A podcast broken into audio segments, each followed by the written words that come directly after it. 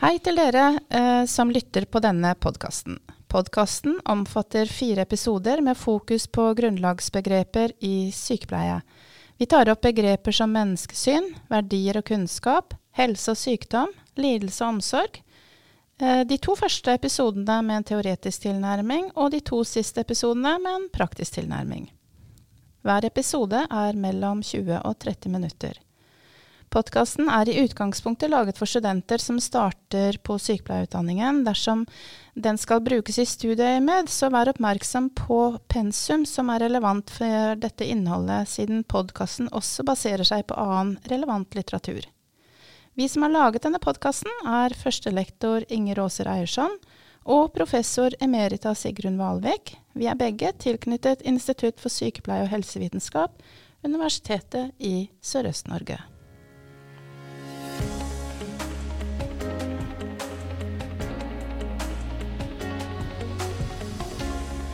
Kan du si litt mer om uh, hva vi skal samtale om i denne episode én, Sigrun?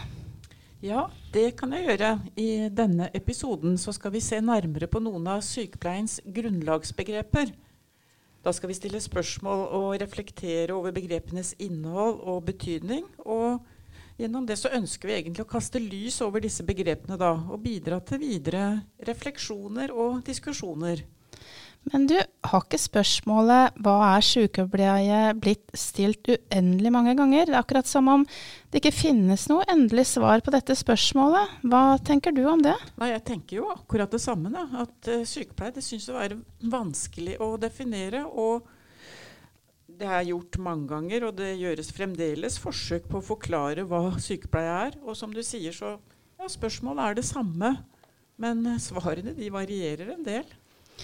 Det er kanskje ikke så rart, egentlig, for sykepleie er jo et fag eller et yrke som gjennom en årrekke har måttet forholde seg til utvikling og endringer på mange nivåer.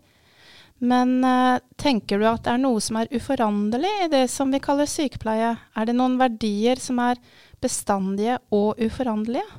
Jeg får jo umiddelbare assosiasjoner til noe som jeg tenker på som uforanderlig i sykepleie. Da. Nemlig at sykepleie skal ivareta den enkeltes behov på en måte som fremmer helse, som forebygger utvikling av sykdom, og som, og som lindrer lidelse. Det har kanskje mer med sykepleiens mål å gjøre. Men det har jo også med, med verdier og kunnskap å gjøre, da. Ja, og i målet ligger også at sykepleien skal utøves med omsorg, kunnskap og respekt, som jo har alt med verdier å gjøre. Eh, dette gjenspeiles jo også i våre yrkesetiske retningslinjer, der det står at grunnlaget for all sykepleie skal være respekten for det enkelte menneskets liv og iboende verdighet. Sykepleien skal bygge på barmhjertighet, omsorg og respekt for menneskerettighetene.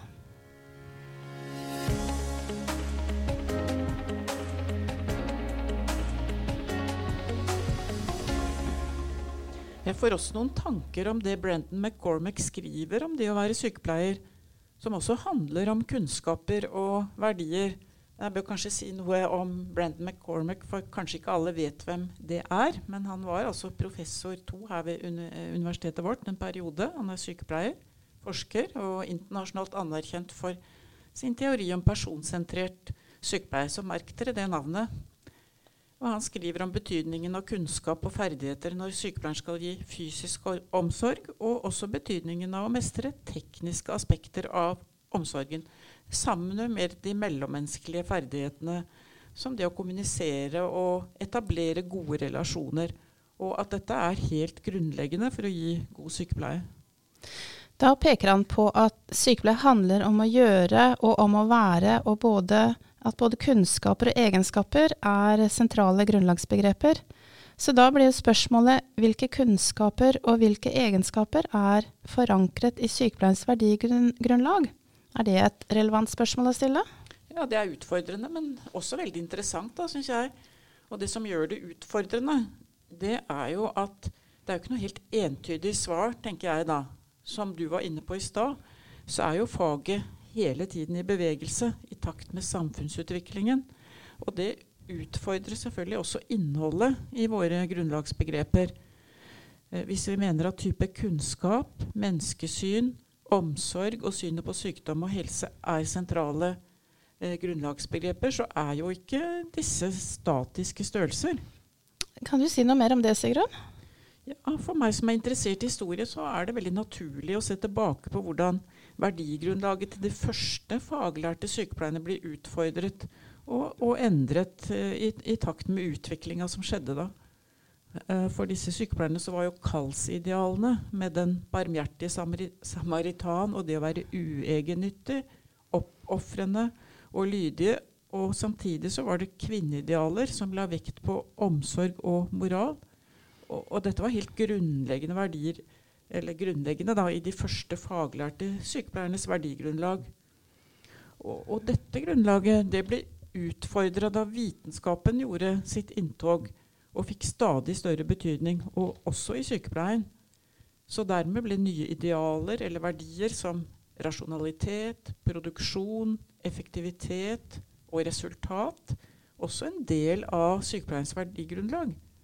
Og det er klart at det fikk også konsekvenser for sykepleiens kunnskapsgrunnlag, som lenge baserte seg på personlige egenskaper og erfaring, men som nå blir utvidet med kunnskaper fra andre fagområder.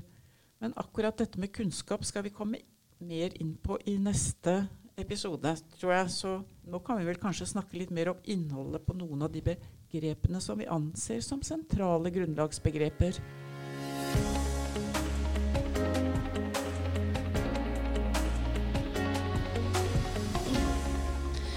Ja, det å være bevisst på hvordan en forstår og hva som påvirker innholdet i disse begrepene er viktig. Det har jo til syvende og sist betydning for hva slags omsorg vi utøver. Eh, og i bunnen av dette ligger vel både hvilke verdisyn vi har om mennesket, noe som har med menneskeverd, moral og etikk å gjøre, og hvilket, kunnskapssyn vi har om mennesket. For Vårt menneskesyn vil åpenbart prege våre handlinger, utøvelse og valg av metoder og vårt teoretiske ståsted, altså både valg av kunnskap og verdier. Ja, nå syns jeg du er inne på noe veldig viktig, så la oss snakke litt mer om det. For som sykepleiere er vi jo svært opptatt av dette med holistisk menneskesyn. Og det er viktig, særdeles viktig i sykepleie. Mens et reduksjonistisk menneskesyn det er jo noe vi tar avstand fra. Ja, da tenker jeg det er litt viktig å se nærmere på akkurat dette og disse begrepene. Så hvis vi starter med å se på innholdet i et reduksjonistisk menneskesyn, så menes det vel enkelt sagt at en ser på de ulike delene av en helhet hver for seg, uten å ta hensyn til at de påvirker, og hvordan de påvirker hverandre. Eh, det er vel særlig medisin som beskyldes for å ha et slikt syn på mennesket, og at naturvitenskapelige idealer ligger til bunn i dette. Og at et reduksjonistisk menneskesyn kun ser pasienten som et objekt for behandling og pleie. Eh, et holistisk menneskesyn derimot bygger på det Aristoteles i sin tid formulerte om at helheten er mer enn summen av dens deler. Det betyr at vi ikke kan forklare eller forstå mennesket ut fra de enkelte delene alene, men at mennesket som helhet er avgjørende for hvordan de enkelte delene og helheten fungerer eller forstås. Dette knyttes opp mot humanistiske idealer, der menneskets egenverdi og verdighet står sentralt. Ja, det var veldig forståelig beskrevet for meg. Men det er selvfølgelig viktig å lese mer om disse begrepene i pensum for dere som studerer sykepleie, og også diskutere dem i læringsgruppene. Vi skal også komme inn på noe om dette med reduksjonisme da, og holisme i denne podkasten når vi kommer til episodene som har mer praktisk vinkling.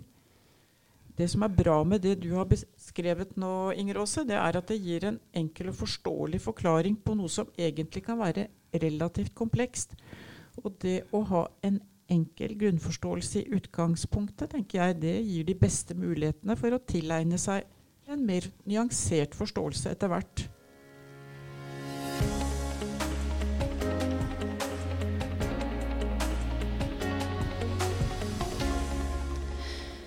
Da tenker jeg vi vel bør gå videre med de sentrale grunnlagsbegrepene i sykepleie.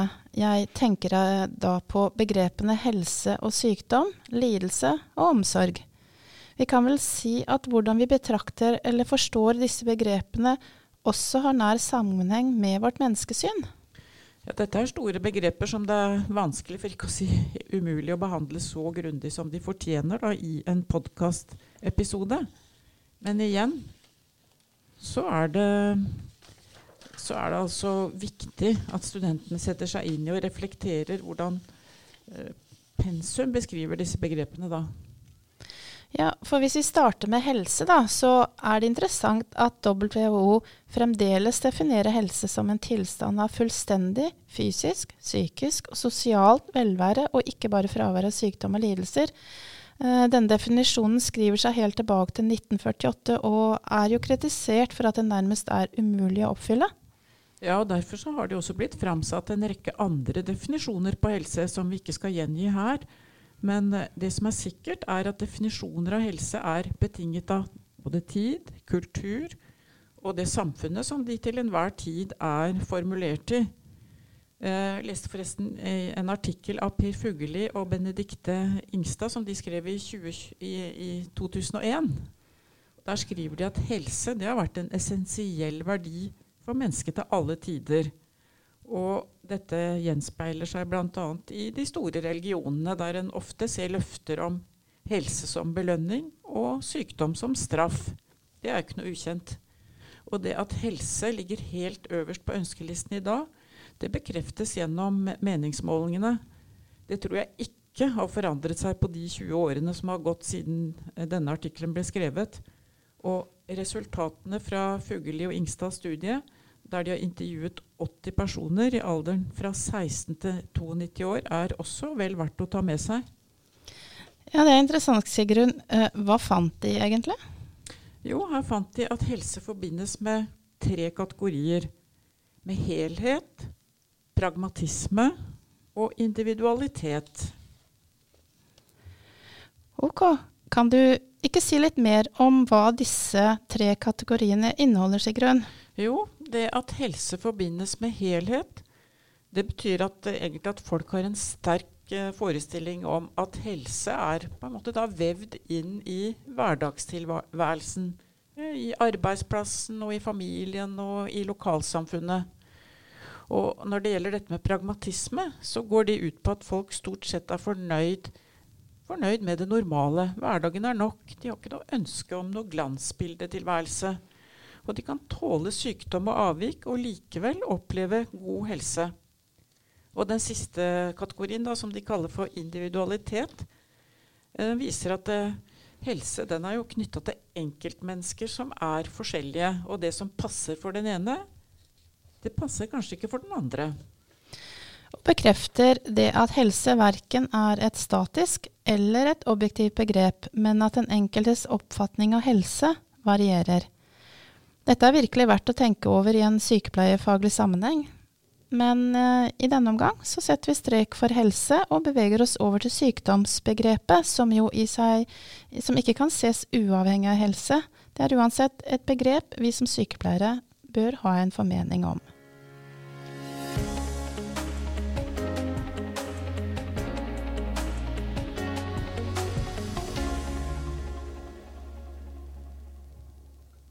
Ja, I likhet med helsebegrepet så kan vi vel si at også sykdomsbegrepet har et varierende innhold alt etter hvilken tid og kontekst vi står i. Eh, synet på sykdom endrer seg også i takt med utvikling av kunnskap, teknologi og behandlingsmetoder osv. Sykdom går fra, eh, går, fra, det å ha blitt betrakta som straff fra Gud til å være selvforskyldt, og til at det skyldes både biologiske, psykologiske og sosiale forhold som sammen ligger til grunn for utvikling av sykdom.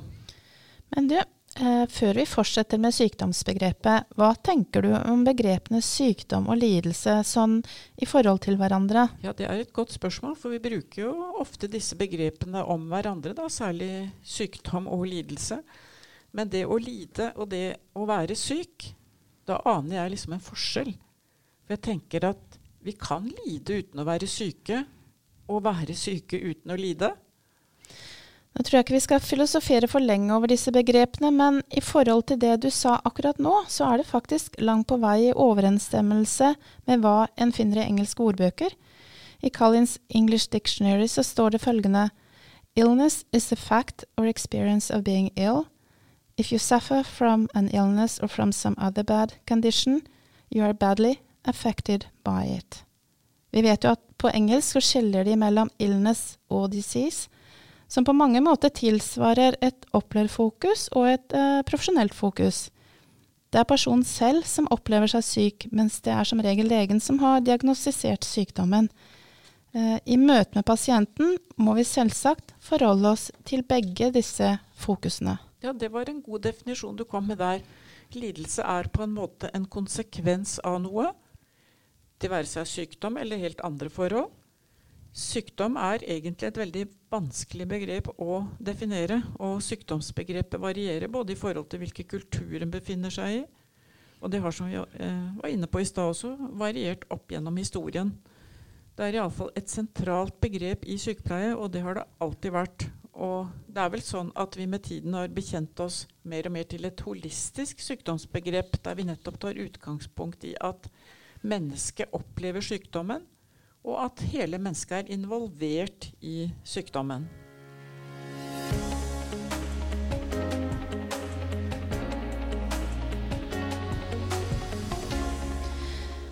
Da Sigrun, går vi videre med et begrep som kanskje er det aller mest brukte i sykepleie og i sykepleierfaget, nemlig omsorg.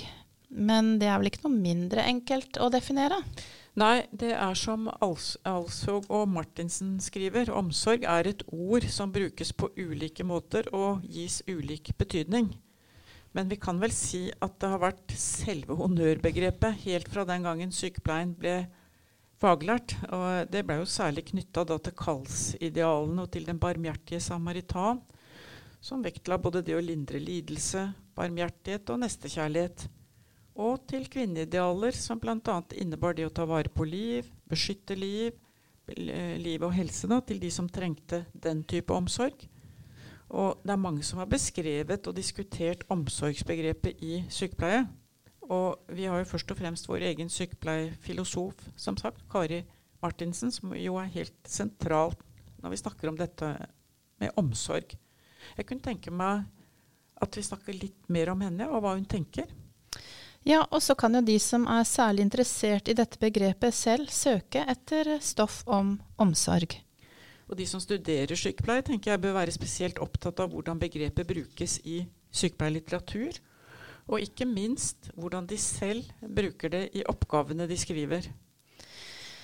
Etter det som jeg alltid har tenkt på som viktig i Kari Martinsens omsorgsfilosofi, er de tre perspektivene hun belyser omsorg med, nemlig det relasjonelle, det at det er et er moralsk begrep som særlig knyttes til om, overordnet prinsipp om omsorgen for de som er svake, og det at omsorg har et praktisk perspektiv, der en handler ut fra en forståelse om hva som er til den andres beste. Ja, dette er tre perspektiver som faktisk utgjør en veldig god rettesnor, både når det gjelder å utøve sykepleierpraksis, og som tilnærming i oppgaver av teoretisk eh, karakter.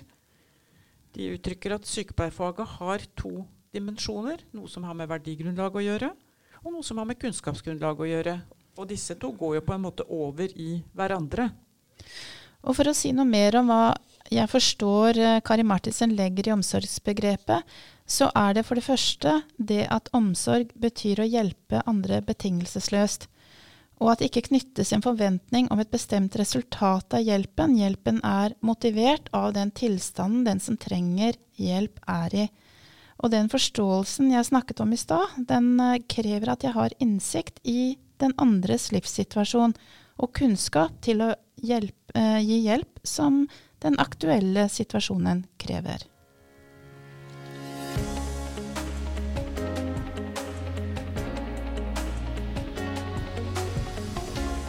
Ja, det er mye her som kan gjøres til gjenstand for interessante diskusjoner.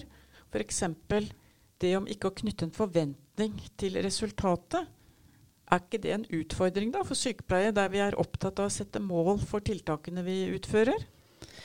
Dette vil det ta tid å diskutere, og siden denne podkastepisoden snart er ved veis ende, så får vi se om vi ikke tar opp dette i en senere episode. Ja, så må vi ta høyde for at vi her bare trekker inn små biter av det Kari Martinsen har skrevet og utgitt om omsorg.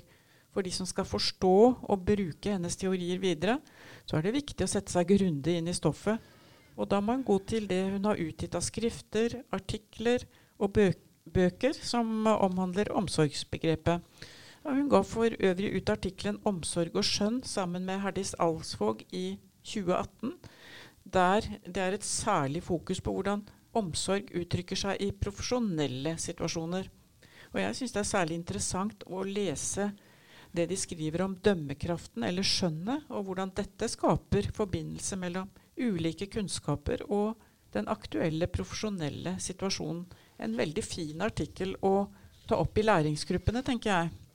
Ja, og en annen interessant artikkel, eller tematikk fra denne artikkelen, er maktbalansen mellom den profesjonelle og pasienten. For i en slik sammenheng så er pasienten i en sårbar situasjon, og makten i relasjonen er ikke likeverdig.